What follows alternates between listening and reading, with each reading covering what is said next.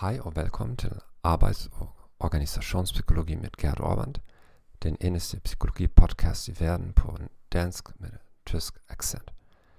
I denne episode vil vi tale om grunnleggende anbefalinger til et godt utvalgelsesintervju.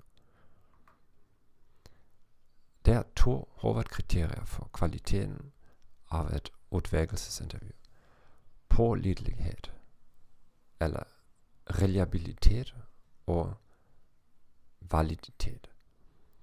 Ville forskjellige intervjuere foretage en lignende vurdering av den samme kandidat, ville en intervjuer nå den samme konklusjon efter gjentagne interviews? Er interviewspørsmål representative for de nødvendige ferdigheter på jobbet? Er en god prestasjon i intervjuet et god for god jobprestasjon? Her er fem generelle anbefalinger.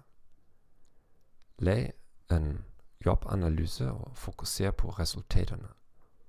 Bruk standardiserte skalaer til ratings. Tren intervjuere. Bedøm kandidater efter interviewet. Ignorer forutgående opplysninger såsom CV, testprofiler osv.